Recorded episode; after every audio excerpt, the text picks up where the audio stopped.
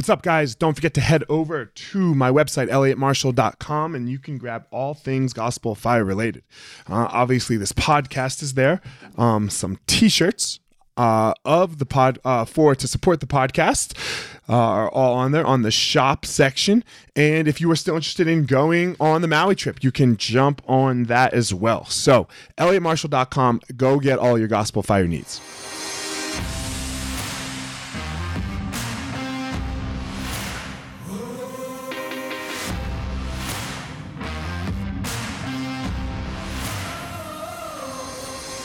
What's up, my ninjas? This is former UFC fighter Elliot Marshall, and this is the Gospel of Fire, where we are going to learn how to go into the fire so that we can find our power and live the best life possible.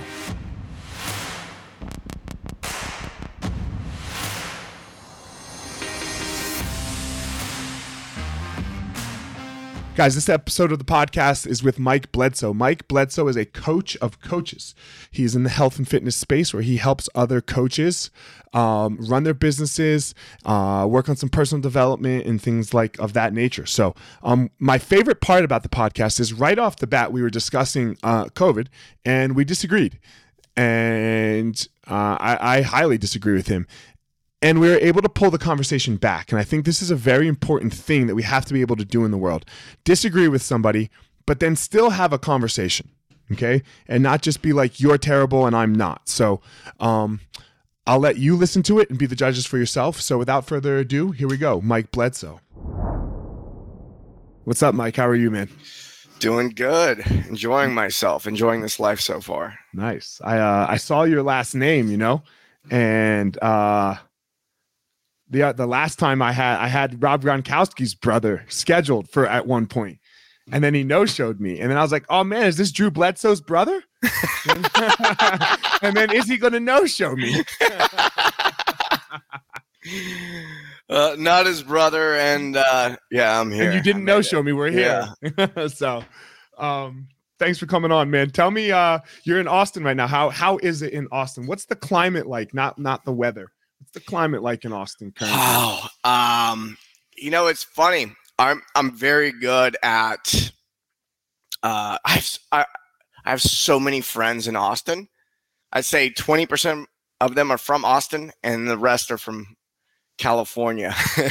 and um, you know, when I'm hanging out with my bubble, with my community, man, feels so good. Don't right. want to be anywhere else. The community here is stellar, stellar.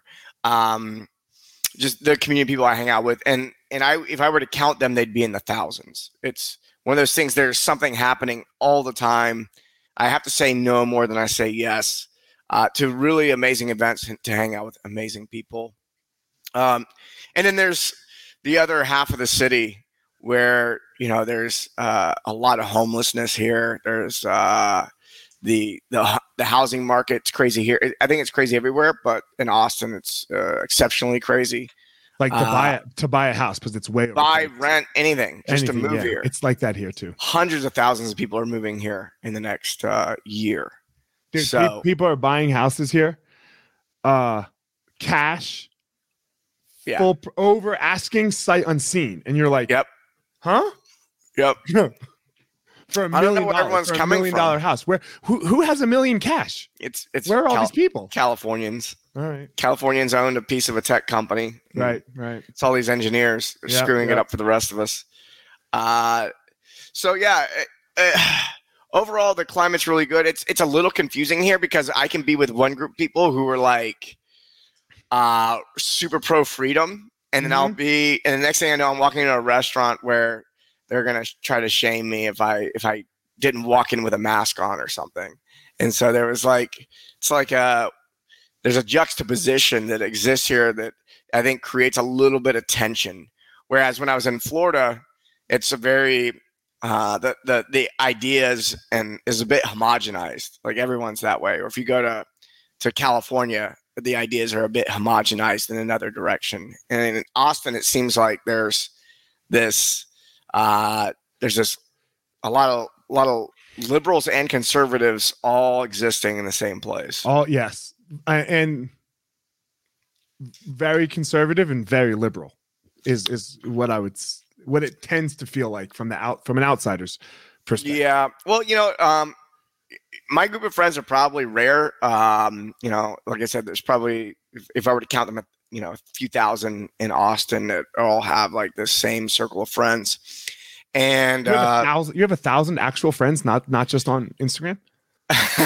um, I would say there's probably a thousand people I would recognize at a party. I wouldn't remember their Uh-huh. names. Okay, but I would. okay. I would Got be like, Okay, give all them right, a head nod. Like Yeah, I am yeah, like, oh, right. I know you're with those that crew Yeah, over there. okay, I got you. I got you. Makes sense. Um, and, and I and I they probably share some similar ideas, but I would say like the people I hang out with is very, you know, uh, socially liberal, fiscally conservative, pro freedom, not a lot of uh, yeah, as long as it's not oppressive. But you know, I we like to say we I, I think it's good to approach the situation from we are the majority, even if that may not be true. Because I think you're right. People do tend to like completely just jump on the left bandwagon or the right bandwagon. What is so? I mean, and I know this wasn't necessarily like it's not like what you do, and we'll get into all that in a second. Sure. What what does pro freedom mean to you? Pro freedom. Um, you know what? It, I have the right to do whatever it is I want to do. It's a it's a right, and uh, as long as I don't impede on your rights, you don't. And uh, so it, it's a very very simple thing. It, it, I, I'm um, a student of natural law and of uh, sovereignty in a way, and uh, and really living from a place of you know building up good karma in the world.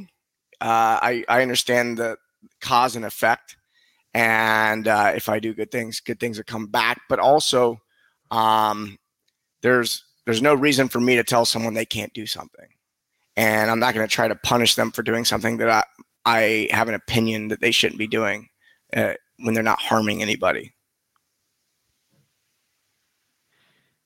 I'm trying. I'm just trying to argue a little bit. Just, Yeah, just to push. Yeah, just to push back. But what if it is? What what if what if it is harming? Um, And you you just think it's not harming, and you and you and like so and all right. So for example, uh, like let's use this the COVID thing, right? Because that that's Sure. what that's what the big thing is now. Um, I personally am vaccinated. I Mhm. know I'm not scared of the vaccine. Uh, I I- when I wasn't that scared of COVID, right? Yeah. Like I, I lived my life and. Uh yeah, sure. I got the fucking vaccine. Do I care if you get the vaccine? No. Do I think you're silly a little bit if you're not? Yes. Um, do I think you should have to? No. Um, uh, do I think you should have to wear a mask? No. You know. But what what if what if it does turn out? Let let's just say in and then this is just a hypothetical, right? Mhm. That all of the evidence points to like the polio vaccine. You should really get the fucking polio vaccine. We all do that. We all have no fucking problem with it. We understand what it does. What what if this vaccine points out turns out to be that? Just a hypothetical. Um, One what, what would make anyone believe that that, that oh, doesn't well, uh, believe fir- it already? Well, first off, I'll say this is for for um, there to be any legal recourse in order for someone to say you're harming or not harming. There's a there's something that needs to be. There's two things that need to be present. One is material evidence mm-hmm, that the harm was done, mm-hmm. um, and then the other is is that there there is someone who has a standing in the matter. That means that there is somebody who was harmed Right. and who is suing you. Right. Um, so well, not suing you because you can't sue somebody for polio, right? Like when the polio vaccine came, right? Like there, there's you couldn't sue someone for not getting it. Right. Well, well, exactly. And and, and I think that that like we're talking about trying to force people to get uh, Right, a yeah. vaccine. It's like by not getting it, can you show me material evidence that this even exists? For one, which uh, from what I understand hasn't been necessarily been isolated uh, as a as a virus. We we're familiar with the symptoms, but the actual being able to you can't throw a virus in an electron microscope and look at it. It doesn't work that way, but they they act like it is. So there's no material evidence. This has actually been uh, held up in court, um, and uh, and then there's you have to Are prove you that are you there was are you trying to argue that co- that COVID doesn't exist? Uh, I I don't think it exists in the way that it's portrayed by the media and the government. So it exists, but not in the way that it's made out to be. Go Uh, ahead, explain that. Um, it's there they present as if there is a lot more material evidence than than actually is. And, and for instance, uh, the PCR test uh, is a magnification process. So uh, depending on how many times that you uh, put uh, PCR So test, what do you? I mean, I mean, what do you say to the 500, 600, some thousand people that that are dead? Uh, well, well, those are that's statistical analysis. So the the those were counted, but those were people who had COVID who died in the last year and a half. Right. So if you had if you tested positive and then you died, um, anytime after that, you would you could be counted as a COVID death. And the hospitals were actually incentivized to count COVID deaths because they would get an additional thirteen thousand dollars if they had a COVID patient versus if they had uh, just a patient without COVID. I mean, homie. I mean, I have three best friends that are in an ER and in an ICU, and my wife is a is a nurse practitioner, and she just quit her job. They definitely died of COVID, and she took care of them, and my friends did too. Like, Oh yeah, pe- pe- pe- people do die from. So I mean, you're, you're making an argument that it didn't exist. But I'm not saying it didn't exist. What I'm saying is it doesn't exist in the way that that people make it out to be because I, it's, it's um, it, there. I, I imagine there are people who are perfectly healthy that got the disease and they they fine. passed. oh yeah, sure. that they passed. Um, and the the the the real pandemic that that I'm looking at right here is obesity, diabetes. Oh, a hundred percent. This is- agree there. this is the, Yeah, yeah, yeah. I, like like the early the early messaging around it was very frustrating, uh, especially me coming from a health background, and they're saying that there's no amount of exercise or vitamin D or supplementation or or good nutrition, it won't save you, is what that is what the medical experts were saying. So the medical experts who are not health experts were giving health advice. And so like my big thing is is like let the health experts give health advice and let the medical experts give medical advice.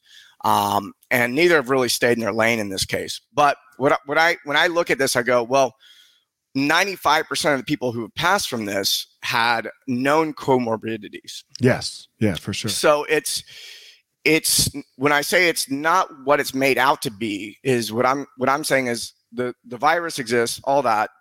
Um, probably uh, they don't have material evidence of it necessarily, uh, but they like they haven't isolated it and made it that much different than some other viruses. It's it's there are some of the symptoms are novel, but it's not when they came out and said this is a novel virus. These are all the characteristics of it of this virus they were listing off the characteristics of almost every lipid-based uh, virus. So it's um, the, the, it exists. People have died from it. It's you know uh, in certain regions there's definitely been um, uh, you know I, I've heard mixed things. Like I've, I've heard from ER docs that are saying this is a real serious thing, and I've heard from ER docs that say you know they're saying there's an there's not enough, but there's plenty where I'm at. And so it's not, I think that the way it's also portrayed is that every ICU in the United States is full. And there might be in one hospital over here, but not in another. There's, it's just, what I'm saying is the way it's portrayed is a lot more fear. They're, they're portraying it to be, to make you a lot more afraid than what you really should be. More people pass from um, overdosing on pharmaceutical drugs each year. It's the, it's the fourth leading cause of death is pharmaceutical drugs. Mhm. Uh, so there's there's much And we work, and we do work very hard at trying. We have been working very hard to try to fix that, right? Uh, I don't think so. Uh, the the uh, they're they're prescribing these pain killing drugs. I think uh, it's terrible. Yeah, yeah, way too high. way too high, uh, way too much. just- Uh, look, it's my best friend passed on off this, and Yeah. now we have, you know, you have fentanyl. Not not that I agree with doing cocaine, but they're cutting cocaine with fentanyl, right? Yeah, I And- heard that. Yeah, that's that- I mean, that'll that, this you. is yeah, that that'll do it. That'll do it. Yeah. You know, I don't know so- why someone would do that, but oh, to make more cocaine. yeah, but you're gonna kill your customers. That's not a very savvy drug dealer. You know, I think there's something that you know. who makes- said a who said a drug dealer is moral or smart, man?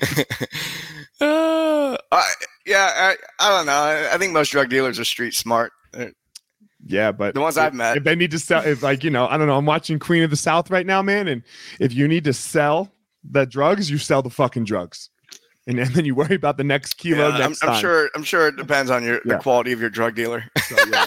Just like any other industry. Yes.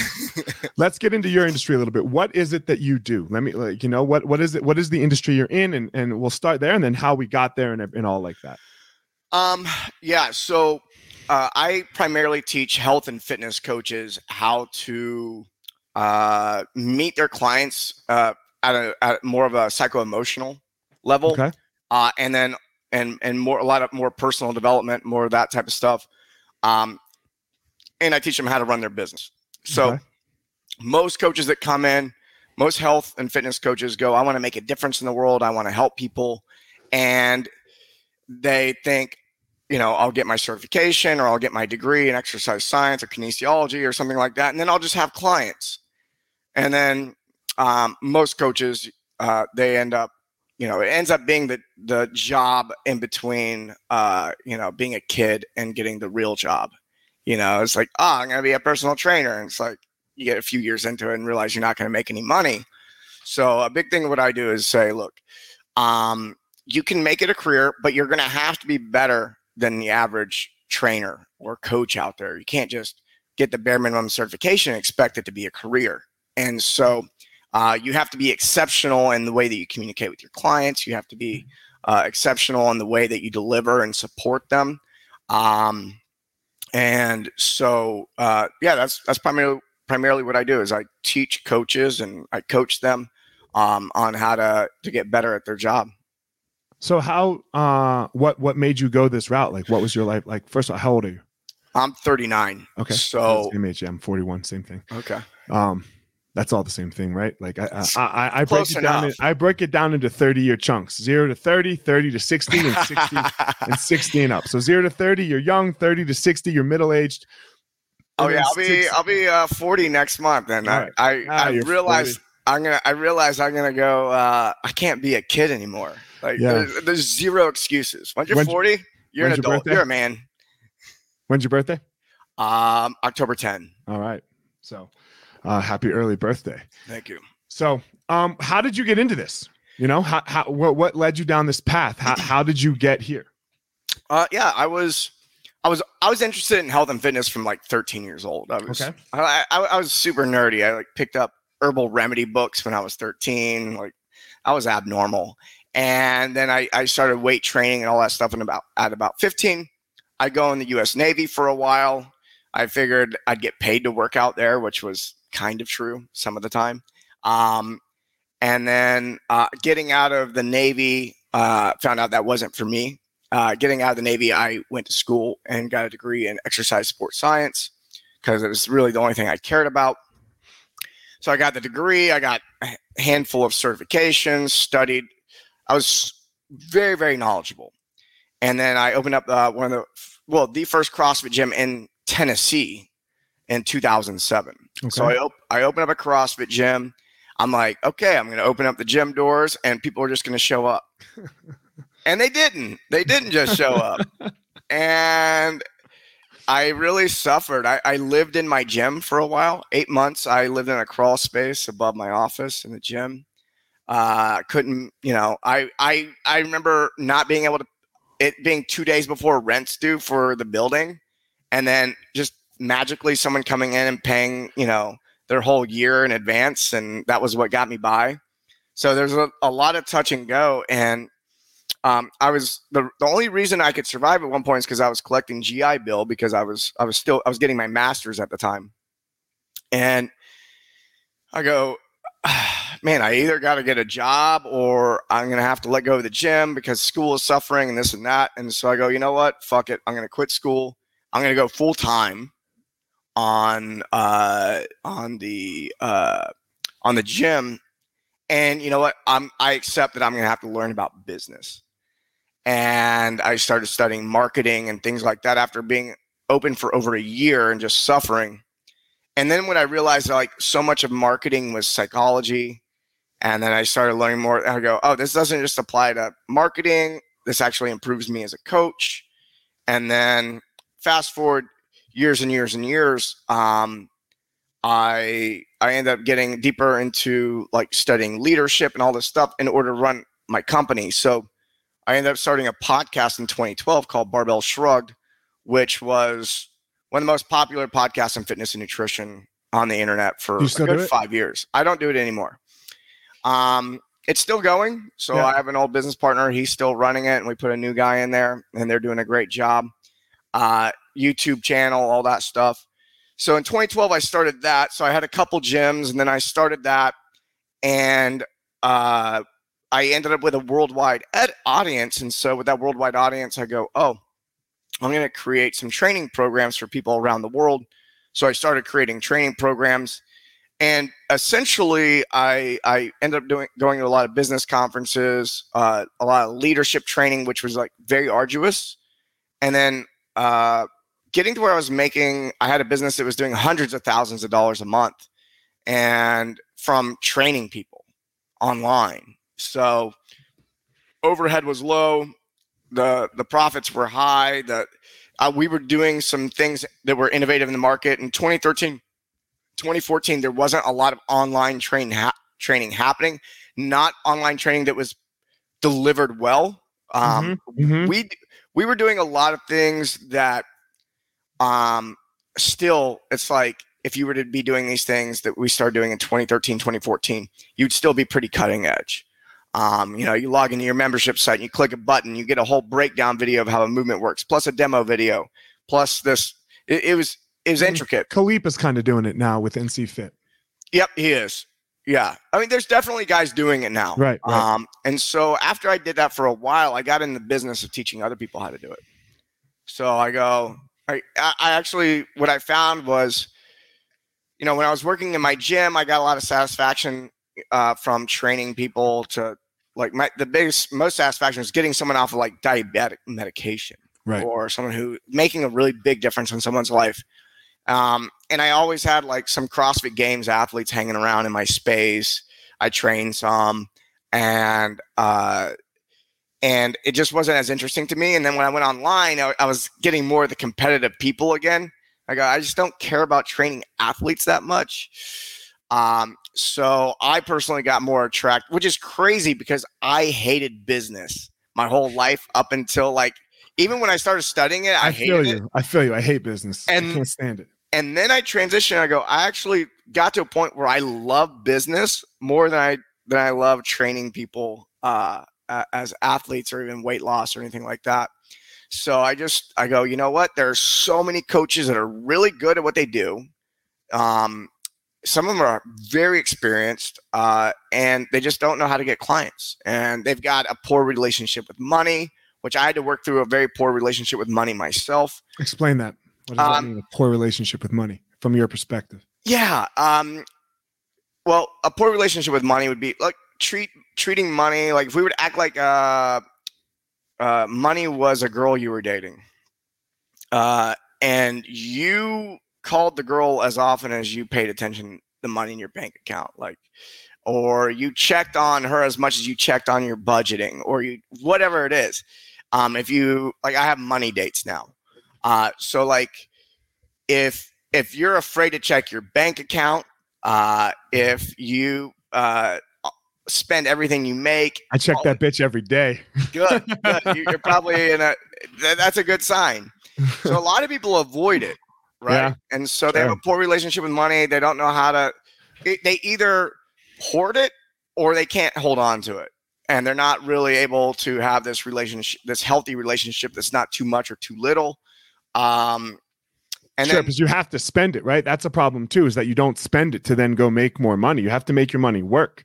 Yeah, I have a rule with my kids. It's rule number five. We make our money work for us. We don't work for our money. yeah, So- beautiful. You know, like y- you can't, you know, uh, I mean, I'll be honest right now, I'm hoarding a little bit because I don't know what's going on. So I'm just kind of holding and waiting. This is a good Uh, time to do that. Yeah. so I'm I'm definitely hoarding. Um, I uh, I got uh, I'm hoarding crypto, okay. so um, My, you know, we'll my see. yeah, but crypto's like this right now, bro. It's like boom, boom, boom, boom, Yeah. boom. But Holy I- fuck. But with shoot how me in the much I put in and how much I'm holding, Right. so Um, you you got in pretty early. Yeah, I- I'm. I've got you know, I've seen 10x returns and shit. So No, yeah. So no, I yeah, I I got I got in right before the crash. yeah, it could get it could ago. get cut in half, and right now, and I'd be like, oh yeah, I still. People are freaking out. I go, oh, I, I'm still way So up. you, you bought Ethereum when it was like three bucks. yeah. Yeah, I don't know if I, I wish I got it that cheap, but yeah, I, I did get everything a lot cheaper. All right, yeah, so you bought Ethereum like, when it was a thousand. yeah, okay, yeah, it was like good 150 maybe. yeah, good good for you. I I, I got Ethereum at thirty three hundred, bro. nice. no, no, Not nice. not nice. It'll bounce back. That's the thing. It's still the beginning. yeah, well then I, I bought the dip twice. Don't worry. So, because that's what you have to do. You can't. Yeah, Yeah, oh I- shit, you can't sell. You buy the dip. I think we're gonna see another dip, but overall, you know, in It the is what long it term, is, it's gonna rise. Yeah. Um, all. I Yeah. know they're wanting to. to So uh, so anyway, bad relationship with money. Most people and, and, have. and poor I relationship with wealth, because what you're getting at is money working for you. When you Right. have money that's working for you, that's you're playing a different game. You're not work. You don't have a job anymore. You're the money's working for you. You're building wealth. You're in the business of building wealth. And Well, yeah, because you can't. One thing I really try hard not to do, and you tell me what you think about this. Uh, I try not to attach my dollar to my hour. Like I- I- 100%. I won't like I won't teach a private lesson and have somebody pay me 200 bucks. Like fuck that. Yeah. Now now I'll be like, wow, I could probably charge $500 and I could do 10 of them a day.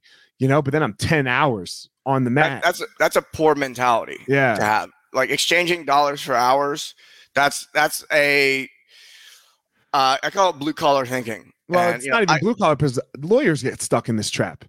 totally. 'cause That's their, true. their their dollar per hour is so fucking high. It's like 400 bucks. So everything yeah, becomes about there, billable there hours. professionals. There are professionals that fall in that category, but Right. I, I call it that. I come from I blue collar. I get it. Yep. um, you know, and I go, it, it, and when I look at blue collar people and I talk to them and, you know, where I come from, this is, it's the dollar per hour. What, what am I worth? There, you know, there, there's a conversation about what I'm worth and that actually what you're worth as a human being dictating how much money you're getting paid. Like there's a lot of like self-worth issues tied up in how much money people make that that really makes it messy because most people's self-esteem when you get down to the core of it's pretty low hmm uh, and so their their self-worth is low and so they don't want to charge too much and no matter how much education or experience they have they have a hard time charging what you know what they really want to be charging how much they really want to be making. Uh, and the other thing is looking at people's relationship to wealth is different. It's like how do you feel about wealthy people? Can you walk into a five-star restaurant and feel comfortable? Or do you when you walk in there do you get that feeling in your body like oh i i don't really feel like i belong here I'll go the same way though. Can you walk and do a fucking dive and feel comfortable too? Can Yeah. a rich can a rich person, a wealthy Yeah. person walk into a dive? Because I think it's just as important on the other end too to be able to understand both ends of the spectrums there, right? Can you yeah or do you need you know, five star service? yeah to, like, i'm not i'm not really i'm not really like yeah I, I agree with that but i think those are different things and I, i'm really like all my focus is on helping people who have a relationship with money in a way that's not serving them um but yeah like i, I hang out with i have a lot of wealthy friends and you know like i went to burning man you you're you're not getting five star experiences at at burning i mean No. there's there is You're a getting, version you're getting of a it much different experience. but you it's going to be arduous even if you like even if you flew in and you had someone pull your trailer in for you and all like that kind of stuff it's not a five star experience but Sure. But yeah yeah being able to go into the dive bar as a wealthy like the guys i know that are really wealthy we we run around and do shit that's uh you know that you wouldn't think most wealthy people would, be doing My, my friend puts it well. The difference between Aspen and Vail in Colorado is Vail is millionaires trying to act like billionaires, and uh, Aspen is billionaires who know they're billionaires and are fine wearing fucking jeans and Wranglers and cowboy boots. Yeah So Yeah. yeah, I understand. Um, so what is it? How is it that you help these clients? Like, what what is it that you do for them? How do you really get them going? Like, what are some of the steps? And you know, you talked about personal growth a little bit. What are some of the steps you take people through? Yeah, so the first thing that we do is we we get them really clear on what it is they actually want. Most people uh, there's a conflict. They have an internal conflict about what they really desire. And and and just in what they desire in a single day. Like what do you Mhm. want what do you want to get done today? What do you want to have for yourself today? Um, and then if I ask someone, you know, well, what do you want for yourself in 10 years? And people's brains fucking melt. And it's um it, it, it's because we never we haven't been trained to think 10 years at a time. But the the most successful people on the planet, they plan in decades. Whereas the average person, the, the ordinary people plan in in years, extraordinary people plan in decades. And so um, in order to plan in decades, it's a practice, it's a skill that needs to be developed just like anything else. So every 90 days, we are taking our clients into a practice of thinking in decades. So, um, and then getting very, very clear on it. Um, there's a lot of there's a lot of personal stuff that comes up in that process. There's a lot of resistance that people have in that process, uh, and we use a lot of coaching skills uh, both cognitive and emotional to help. So when you say we, you have a, you have a team of people. Yeah, I have a team, and yep. you're the you're the head of the team. Yep, that's okay. right. Yeah. So what are some of the steps you take people through? Like, so I mean, so my company we plan in decades too. Yeah. Right. Like my uh my martial arts schools. So you know, yep. ten year, five year, three year, one year, and then all the way down to ninety days. Right. Exactly. We call we call them rocks. I mean, yeah. So do you use traction or? Yeah, yeah. Traction uh, had a big influence on me. Um, right. it's, it's, a good system. Rockefeller Habits uh, is right. another really good one. Mm-hmm. So uh, we haven't set that out, and that's just the first thing. That right. like if we if we don't know this, then we don't know what we're doing. I, I really like the 10 the 10 year thing because I think what happens to a lot of people, and you tell me your perspective, is everyone sets like a New Year's resolution. But the new year's resolution is like it's not going anywhere. Like what what what is what is the where do you want your what do you want your life to be looking like? You got to be shooting to something grand and something fucking far. And i mean you might not hit it. Yeah. But but but the journey is worth it.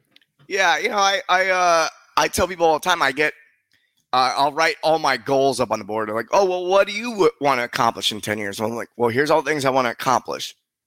And there's, you know, maybe 10 bullet points. and um, and I go, you know what though? I really don't even care about any of that. It's just something to. That's where we're going. Mm-hmm. Uh, I will obsess over getting there, but I don't see it as important because what I what I've lived long enough that I recognize that the really beautiful things are all the things that happen on the way to get there. Mm-hmm, mm-hmm. it's the journey. It's the journey. But you got. But if you don't pick a direction, you're just going to drift into somebody else's vision. So what's what's so hard about this for people is most people have never created their own vision for their life, uh, and they've uh, they've never created a strategy to support that vision. So that's the next thing we do is we we go into strategy and go, how do you what's our strategy for accomplishing this?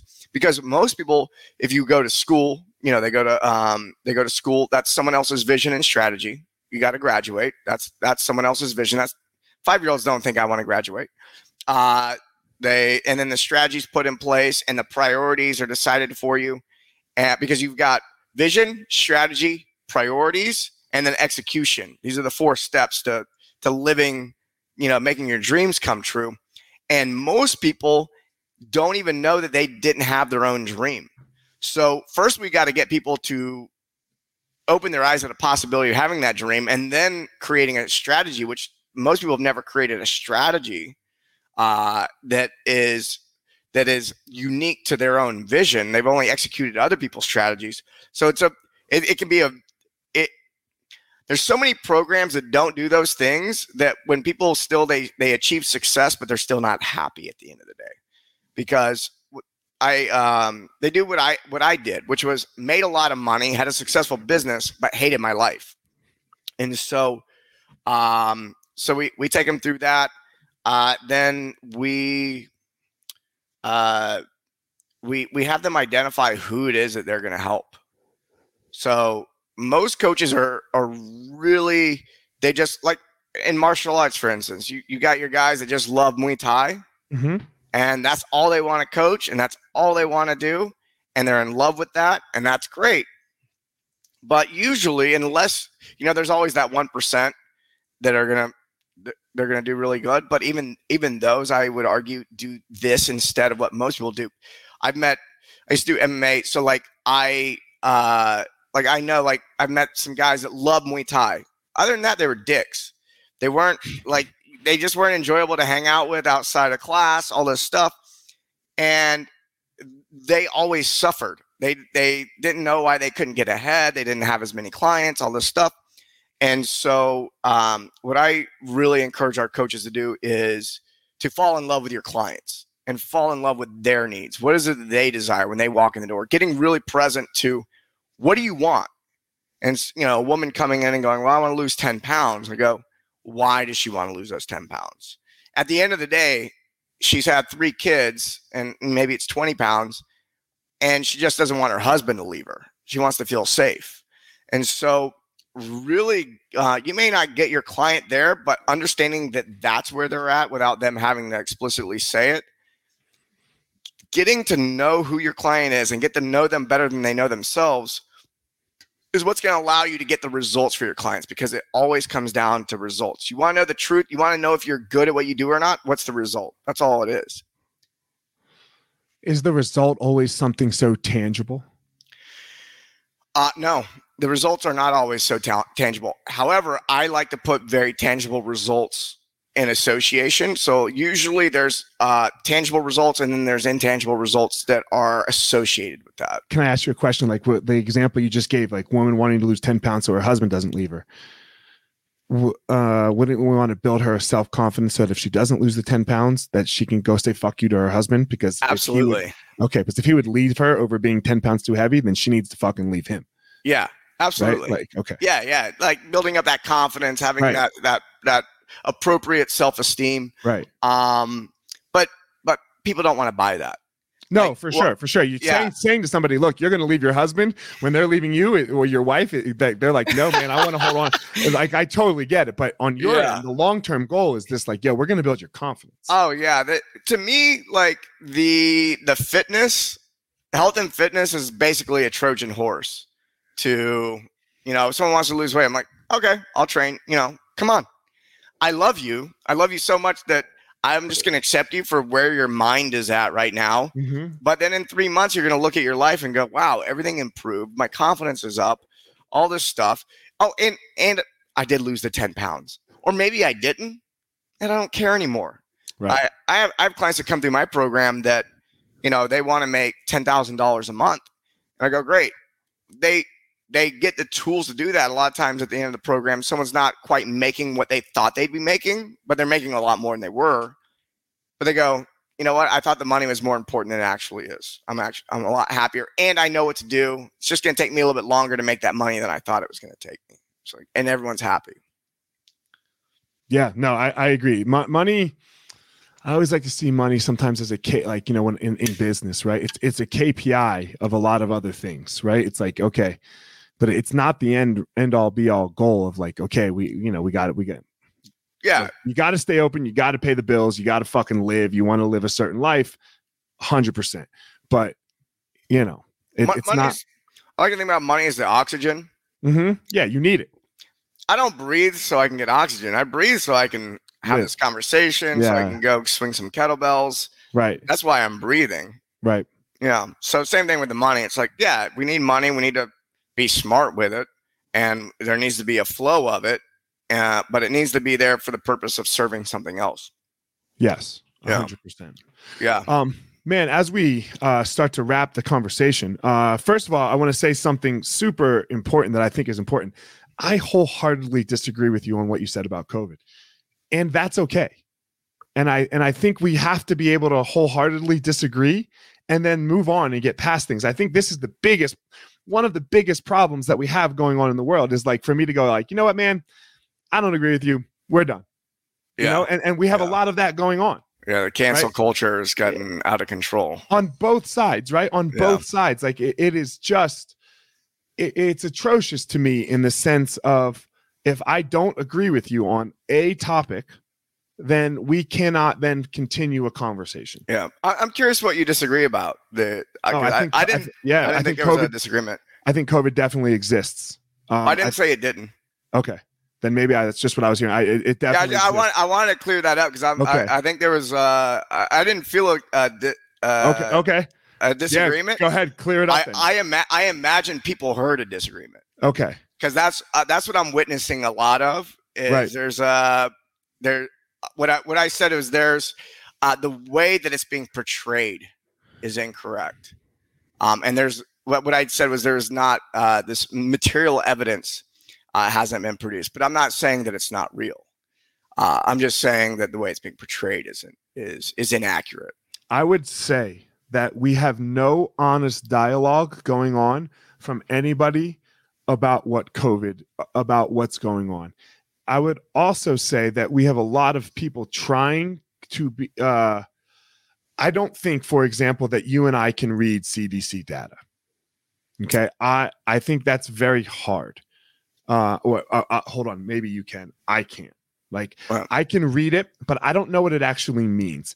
It's like somebody coming in and telling me uh, about an armbar that that has white belt ish experience. So uh that that that's how I feel about this. Like, and, and, we're in this day and age, right? Like, you can find a lot of fucking evidence about a flat Earth, and that motherfucker is not flat, bro. this motherfucker is not flat. But you can find scientists, oh, yeah. and you can find all this shit. So we're we're in a very weird time of, uh, uh, uh of living where it's almost too yeah. much information. well, know? it's that that's the new skill Right. So the new skill to develop is to be able to de- uh, uh, make sense. There's a lack of sense making right now. Um, and so people cling to that's why they cling to a site is because they're trying to right. cling they're, they're clinging to a meaning of something. Um, but I, I think that uh, if you believe you can grok the data, then you can grok the data. If you believe that you can't grok the data, then you'll. When you say grok, what does that mean? Uh, to understand, to be able to take in all the information and then make uh, good sense of it for yourself. Um, so there's a I know you want to. We're, we're going a little long, but yeah, like, it's okay. There's a, there's we're not book. long. I, I, just like to start to oh, wrap okay. it, and then and then it we're good. No, we're, we're, good because it allows. When I say start to wrap, it allows for this for it to keep going if we need to. We're yeah, good. there's a book by a, a, guy named Robert Cialdini, okay. who um, studies human behavior and marketing, and um, it, yeah, influenced by Robert Cialdini. And uh, one of the things he talks about is anytime a, a human being becomes uh, confused, uh, doesn't feel like they can make sense of the situation they immediately turn to who they perceive to be the authority to be. Right, right. And so it's a it's a white lab coat. You know, it's an MD. It's a it's, well, right now it's our media. Yeah, it, well, you know, it's the government. It's it's uh, the the authorities. I'm sure some people view people who are on media as authorities, but like it's um, it's usually like whoever the government endorses as the authority because people tend to view government as the ultimate authority, um, especially if you know they're not spiritual, uh, then they're gonna they're gonna do that. So like anytime anyone feels as though they cannot make sense of a situation or comprehend the data, they immediately just go and listen to the authority that they they they give credibility to. So um, so that's so when I was listening to that, I go, wow, the things in which I'm an expert in, I don't really like in health and fitness there's a few there's very few people I listen to, but like I'm even with a grain of salt with them and I'm parsing out the data myself and all this kind of stuff. And I and I can make sense of it for myself because I believe I can because I've been doing it for so long. But when it comes to my car, for instance, I take it in, I'm like, I don't know, whatever the mechanic fucking said, that's you know, that I, I give into their authority. So it's I think it's good just to recognize that. And one of the things that I that I've taken on when when all this started happening, I go, you know what? It's going to be painful. It's going to be difficult. It'll probably be depressing, but I I choose to try to grok this. And so when I go and look at the I, I go, I'm going to look at the data, even though I don't want to go look at the data. I don't want to look at different different opinions. I would much rather just just listen to certain people, then I'd be fine. So what there's no way because there's no way that we can know everything about everything. So we have to make choices about who we're going to listen to. What like, am I going what am I going to be an expert in? And right. and then how how do I choose the authorities in my life? Yes, that so that and that's a very difficult thing right now. Yeah, and so what what I encourage people to do, and so that was the question I started asking myself a year and a half ago was, how do I choose who I listen to? And I decided that I'm going to look at their track records. So if if somebody if their track record is of health and healing and well-being and they're they're an exemplary if they're an example of that then i'll listen if they have a track record of dead bodies in their past then i'm gonna you know i'm gonna question that heavily um and and even with statistics um i've studied stats so statistics aren't that foreign to me but the the, a lot of the stats have been fudged. A lot of this, like, there's just a lot of there's a lot of fuckery that's happened that it it also when people start changing stories and changing stats and all this stuff, then they also lose credibility in my mind. So there's, um, yeah, just to me, it's I encourage people is to to think critically, really be um, aware of like what you're deciding. I'd say half my friends got the vaccine, the other half haven't. I personally don't care either way whether Right. someone got it or not. Uh, it's just uh, I I get it on both sides because I I've, I see both arguments for to get it and I see arguments not to get it. I bet it's you know not dangerous, so it doesn't seem to be dangerous.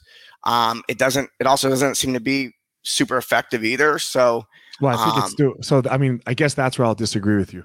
Is it? It seems to be doing its job of uh, the vaccinated are not dying. Get uh, we can get it still, well- but but if well, if you look at Israel, so Israel is the most vaccinated nation in the world. you They made it. They made it mandatory for everybody. right, so then people are going to die hundred percent because everyone's vaccinated. But if Well, you look at they're they're having a spike right now. right, but but it's not it's not like it was. But if you look at America, where you have some yes and some no, of when I say not dying, of course people are still going to die, right?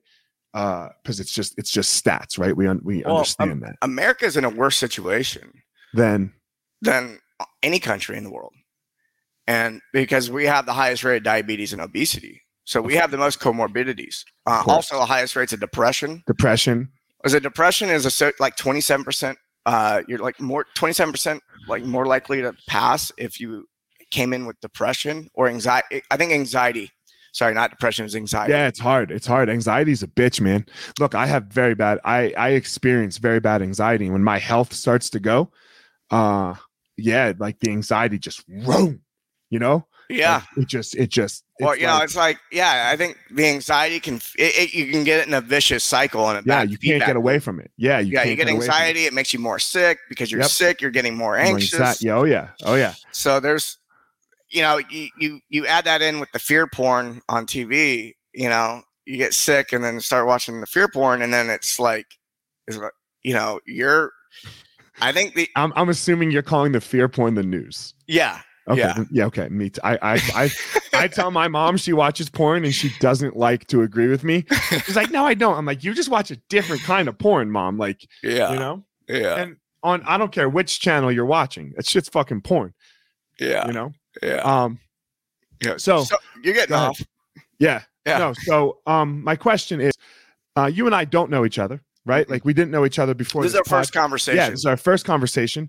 Um I always wonder what makes people say yes, right? Because like uh I hate to tell you, uh, I hope you weren't expecting um any major results from coming on this podcast of like of like Instagram followers or fame Plus, I'm not going to bring it to you, right? Like I'm Yeah. just I'm not Yeah. Rogan, I'm not Tim Ferriss or any of these major platform guys. So why would you say yes to taking your hour and hanging out? Uh, you know what? Uh, it, it's partly intuition, Okay, and the uh, the other thing is, is i if I have room in my schedule, and someone wants to do a show, I normally say yes because um, I actually I, I do care about the results of doing a show. Like if I were to get a client out of this conversation or whatever, but the the result that I'm looking for the most is being able to sharpen my conversation. Mm-hmm. Uh, I, I, I'm a, I, I really love the skill of communication and uh, getting into a conversation that's recorded, especially with somebody I don't know, right. and I have no idea what your opinions are on things, and vice Sure. versa. And so, like, we jump in, and I'm like, oh, like, you know, Elliot brought something up that I wasn't thinking about before. I wasn't thinking about it either. He, he questioned me in a way. I'm like, I'm like, man, you know what? Like, It's like maybe I don't know.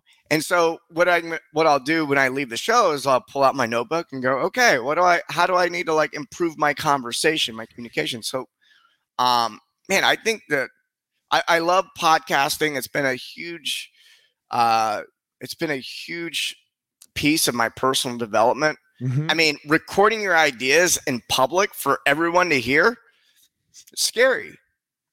Because especially like in a time na- like now where there's cancer culture, like, yeah, man, you got to be like, it, it- it's a courageous thing to, to state Well, yeah, because because they don't have to listen to the whole thing. They like they can go take a soundbite of what you said totally. and then I'm go sure like there. the first five minutes of this show, some people probably, you know, they may tune out. Maybe. Yeah. Maybe.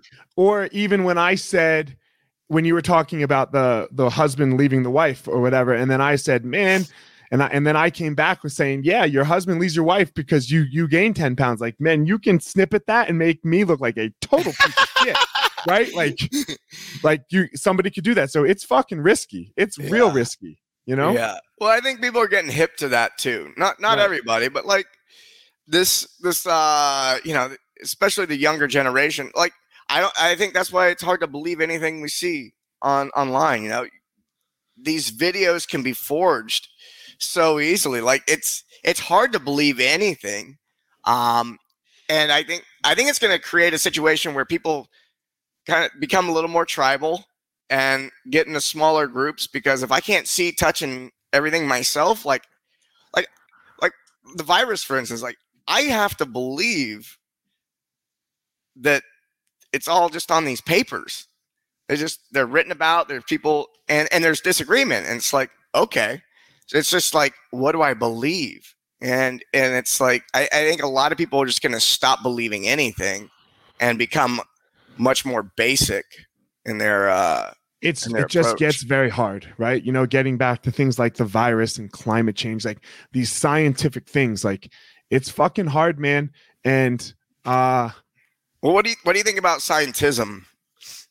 T- uh, i just want to make sure we're talking about the same thing. Go ahead scientism scientism is um it's like turning uh science into religion. Like most people don't understand science but what they do is they end up uh look listening to they, they identify certain scientists that are made like priests as a Right. pri- as a priest would be made in a religion. Right.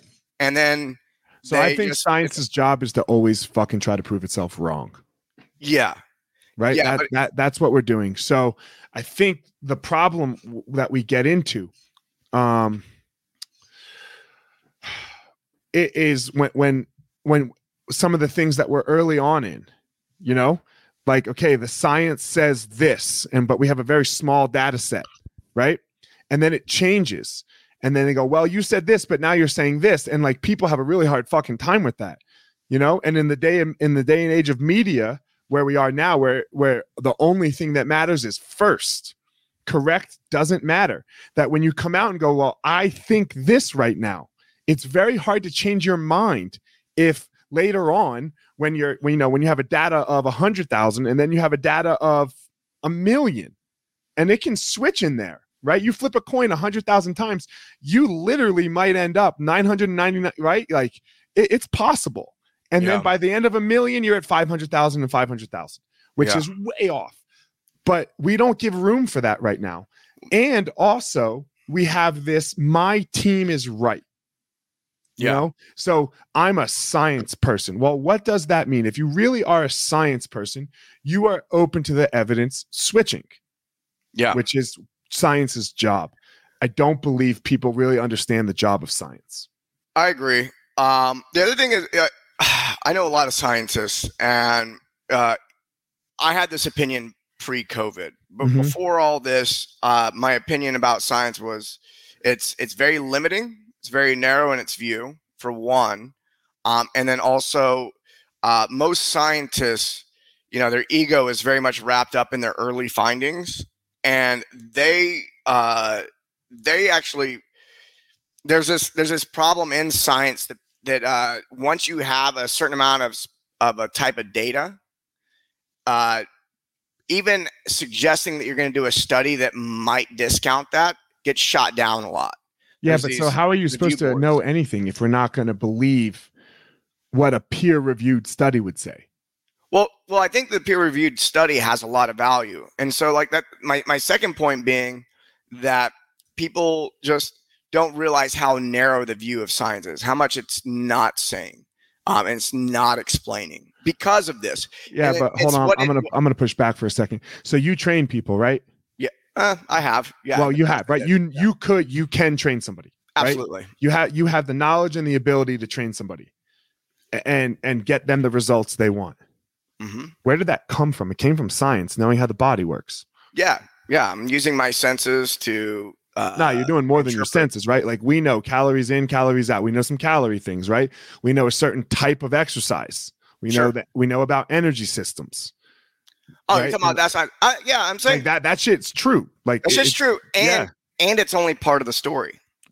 So there's, uh, like if you don't understand the the so many. This is this is actually the issue with a lot of coaches. They they think that it's energy systems, uh, HRV, uh, uh, macros or whatever it is, but they have no. They're not in touch with uh, the emotional component of Of what's course. happening of course. and th- those energetics um, which have a huge impact which there's no there's but how do we know that they have a huge impact? well that's the thing is that only happens from you being your own scientist which is using your own senses to pick up on this and then collecting the data and making sense of it for yourself Right, data. only- right, The only- data. yeah and we're, we're Yeah. all collecting data all the time course, everyone's a scientist in a way some people way, you know for, their way for their own life. yeah, their way of interpretation may be, you know, may need some help. They may need to clear out some baggage in order to interpret the data properly. But a lot of the way I train people has very little to do with what I learned in school. I actually don't look at those papers much anymore because what I one of the reasons I got to where I was was because I was so scientifically driven. If it wasn't in a, in a peer-reviewed research paper, or there wasn't a meta-analysis of a thousand research papers on it, I didn't think there was any value in it. And then I just watched, I, I go, well, there's nothing else to learn. I'm bumping up against the ceiling here. And when I started looking at um, more of like the spiritual side, the emotional side, the psychological side of things, which I used to think were silly, then I started seeing uh, incredible amount of progress made. Right, but you And- still have to. My my my point would be that you still have to follow the science, right? Because if you have someone that yeah, says, "Yo, I want to have a 300 pound squat," you go, "Fuck yeah, amazing." You can emotional that shit all you want. They can't run long distance and never lift weights. Oh yeah, of course. But that you don't even need to know science to know that. Like like you don't have to. There's no study that that that created that. There's studies that support that. What I would say in that case, what most people are going to do is put you on a two or three day a week squat. Training system. Right. I personally now like I wouldn't do that. I would have. I would have put someone squatting two or three days a week if I wanted someone to get to a 300 pound squat as fast as possible. What I would do now is probably I have them squat once a week and then we would do a bunch of other shit and we would work on the emotional stuff and the psychological stuff and all that does the person who's going to squat 300 pounds and only focus on that get there faster they may get there a little faster but they're going to end up getting hurt they're going to end up they're not going to be there's going to be all sorts of other problems that come up Sure. but like what I'm saying is like science is not and scientism is thinking that that it's putting it on this pedestal the same way a lot of religious people put a religion on a pedestal and that it is the only way. It's it's got all the answers. And the nature of science in itself is to isolate, not to integrate. So it it continually isolates and every study the it produces more questions than it answers. And That's I think the that's nature its, of it. I think that's its job, right? I think I think that's definitely its job. I, I agree with you there. Um, Yeah. I, I think so I think that- we that- get into trouble though when uh when when we when we don't start with some some universal truths, you know? Because Oh, there are yeah. some, there are some universal truths. You've got You know- you've got to start with eh, and and understand that what a postulate is, and the the postulate's the the first piece of the formula, and a lot of people forget what the postulate is. And that is all, everything else that's based off of this one piece of data. And a Mhm. lot of times in science, that one piece of data changes, but everything that was based off of it is is seen as set in stone. Uh, for instance, uh, uh, Newtonian uh, physics compared to Einstein. Einstein came along and it just made Newtonian physics uh, like you go, oh, it's it's uh, this is a, more advanced. Newton wasn't quite right. Einstein's more right. All this stuff, and yet so many things in our culture are based off of Newtonian physics, and it just takes a very long time for these ties to change when a postulate changes, when when that initial study or that initial idea changes. Einstein just went further, though, if I understand, right? Like, I mean, Newton's three laws are still the three laws. Um, there's, I'm not remembering which one, but there's basically one of those things where um, Einstein and so so this is so this is my or, point of where we get in trouble right this this is right where we get in trouble of you're not an expert at this and I'm not an expert at this. Right. Because if you asked me to tell you about an armbar, right, about this thing with armbar, I would go, no, boom, boom, boom, boom, boom. This is what the fuck it is because I know jujitsu that goddamn well. I can sleep it. I can be on my deathbed vomiting and be like, uh, no, no, no. Right. So this is where we get in trouble is like you and I both know what the three laws kind of say right? And we both know yeah. what I what we both know E equals MC squared, and we're not stupid. But then we start to talk about it, and we're not we're, we're not experts. Like yeah, you got to be. Maybe I, I use a poor expert. analogy. I, yeah. I but I do know what a postulate is, and I understand. Right? Yeah, for sure. Works. No, no, a hundred. So it's it's you know yeah maybe I shouldn't use that. Uh, I definitely shouldn't use that analogy because you're right. I can't go deep into it. Yeah, I can't go deep enough. I have a friend, bro. Look, I have a friend who uh who reads conspiracy theories all the fucking time. This is all he fucking does, right? And then I have another friend who is uh a he's like a super geek, smart, you know, PhD, you know, and this is all he fucking does with his life. And my friend, my one friend and I, who's the conspiracy theorist, we get to a point and then I go, okay, I can't keep up with you. Your words are too big and blah, blah, blah.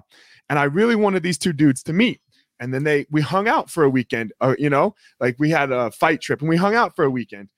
And my really really smart friend goes who who who really he goes no dude those two words those are complete oxymorons and you just put them right next to each other.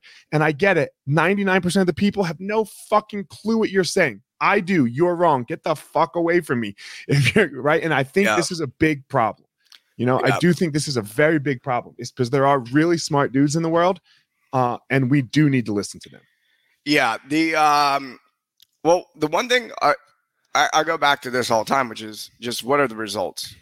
Mm-hmm. So so if, if that person's results, you know, if they're if if you look at their life, if you look at their work, what are the results of that? And then that's a that's a good person to listen to. I agree. So, all right, man. There's one one last question I like to ask people. See, I told you the wrap up is very long. Um, I believe everyone in the world has a unique power, something that makes them amazing. Okay. And it might not make you a lot of money, it might not make you famous or any of that shit. What do you think your power is? Um, connecting people. Okay. Yeah. Really, really. I'm gonna. I'm, I'm very good at being able to walk into a room and be friends with just about everybody, mm-hmm. and then finding what's in common with different people and and uh, loving it. Got it. Yeah. All right, man. Well, guys, thank you. Uh, first of all, Mike, thanks for coming on. Tell everyone where they can reach out to you if they want to uh, connect with you, work with you, whatever it is. Uh, Mike underscore Bledsoe on Instagram. And then, uh, yeah, if you want to check out what we're doing with coaches, thestrongcoach.com. Thestrongcoach.com. All right, man. Well, I thanks thanks for coming on. Again, I really uh, I enjoy conversations when I don't agree with everybody. Like, and and I think we need to get better at having them. I think we need to stick in them, and I think they're very important in the world. Uh, and it's not like that you're going to hang up with this conversation be like, man, Elliot disagreed with me on that or didn't, blah, blah, blah. And he's a fucking piece of shit asshole, which is what we do, right? Which is what we're doing, right? Like, if you don't agree with me on 100% of the shit, then I'm a, I suck as a human. And yeah. that, that doesn't have to be true. It sounds you know? boring too yeah, all I like to do. Look, man, I have my. I'll, I'll, say it. My mom is way out on the left, and uh-huh. then I have a friend who's way out on the right. And I love to argue with both of them. I like to argue the the right to my mom and the left to my friend. And I don't even know if I agree with either one of the things I'm fucking arguing. I just like to fucking discuss. You're the devil's advocate. I don't even know if I'm the devil's advocate. I just like to meet in the middle somewhere, you yeah. know? Yeah. Like, so anyway, I appreciate it. Guys, as always, don't go out in the world and try to be Mike. Don't go out in the world and try to be me. You go out there and you find your own power. All right, everyone, thanks for listening to this episode of The Gospel of Fire.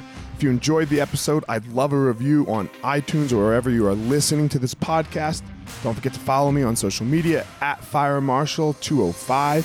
If you are a BJJ enthusiast, check out my YouTube channel. I put all kinds of instructional DVD uh, videos out on there, so go check it out. My book is still out on Amazon by the same name as the podcast, The Gospel of Fire. So if you are interested, go check out that. And most importantly, guys, go out there every day, find your power. Thanks a lot.